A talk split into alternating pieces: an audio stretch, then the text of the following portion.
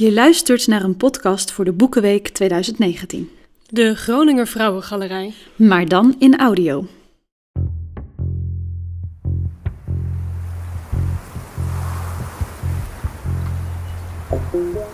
Als je door Uskert rijdt, langs de trots wapperende Groningse vlag, over de spoorlijn en voorbij de molen, dan zie je een groot wit huis. Of beter gezegd, een villa. Daar zijn er een aantal van in Uskert. En op deze witte villa staat met grote letters Kona op de voorgevel. De witte rentenierswoning is van Popco en Naatje Westerhuis. Hun namen samengevoegd, Popco en Naatje, Kona.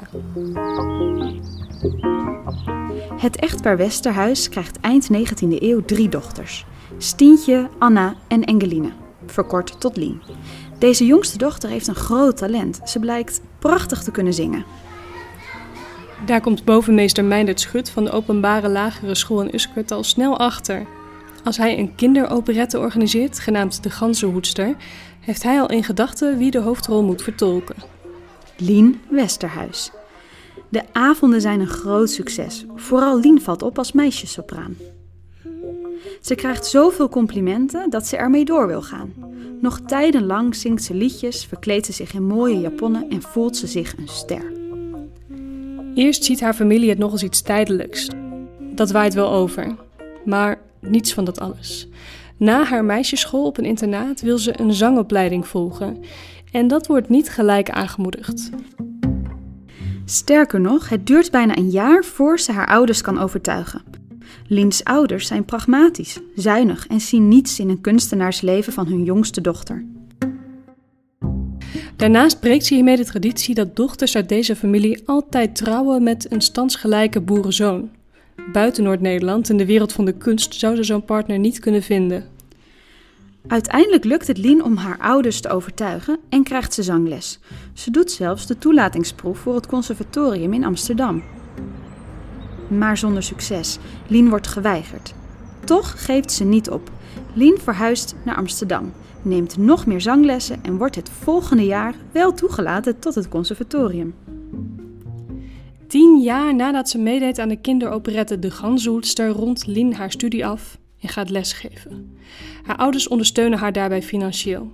Een paar jaar later vertrekt Lien naar Den Haag, waar ze naast lesgeven als sopraan meezingt in het vocaal kwartet. Daar ontmoet ze de beroemde Italiaanse operazangeres Gemma Bellincioni. En met die ontmoeting verandert alles voor de Groningse Lien. Want Bellincioni is zo enthousiast over Liens zangkunsten dat ze haar meeneemt naar Milaan.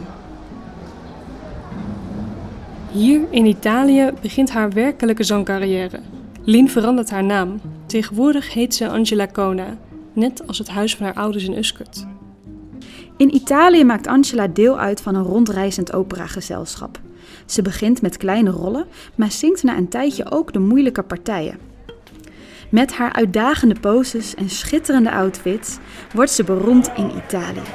U bent één van ons, roepen de Italianen.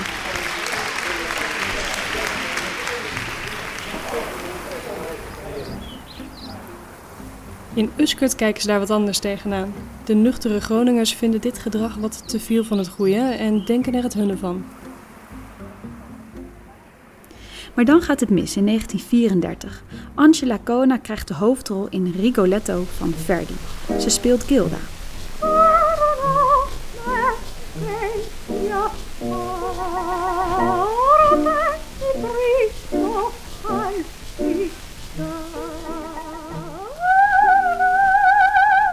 Een zware rol en Angela krijgt last van keelpijn en een schorre stem. Het lukt haar niet meer om op het oude niveau te komen, maar ze blijft wel zingen. Zo vraagt ze het jaar daarop haar ouders nog om te luisteren naar de radio. Moeder Westerhuis schrijft: Er zong een zangeres en een tenor. De stem had wel iets weg van jou, maar de zender zakte steeds weg. Door het opkomend fascisme wordt ze gedwongen om Italië te verlaten. Angela verhuist terug naar Nederland en gaat in Groningen aan het werk als zangdocent. Nog weer later gooit ze het roer om.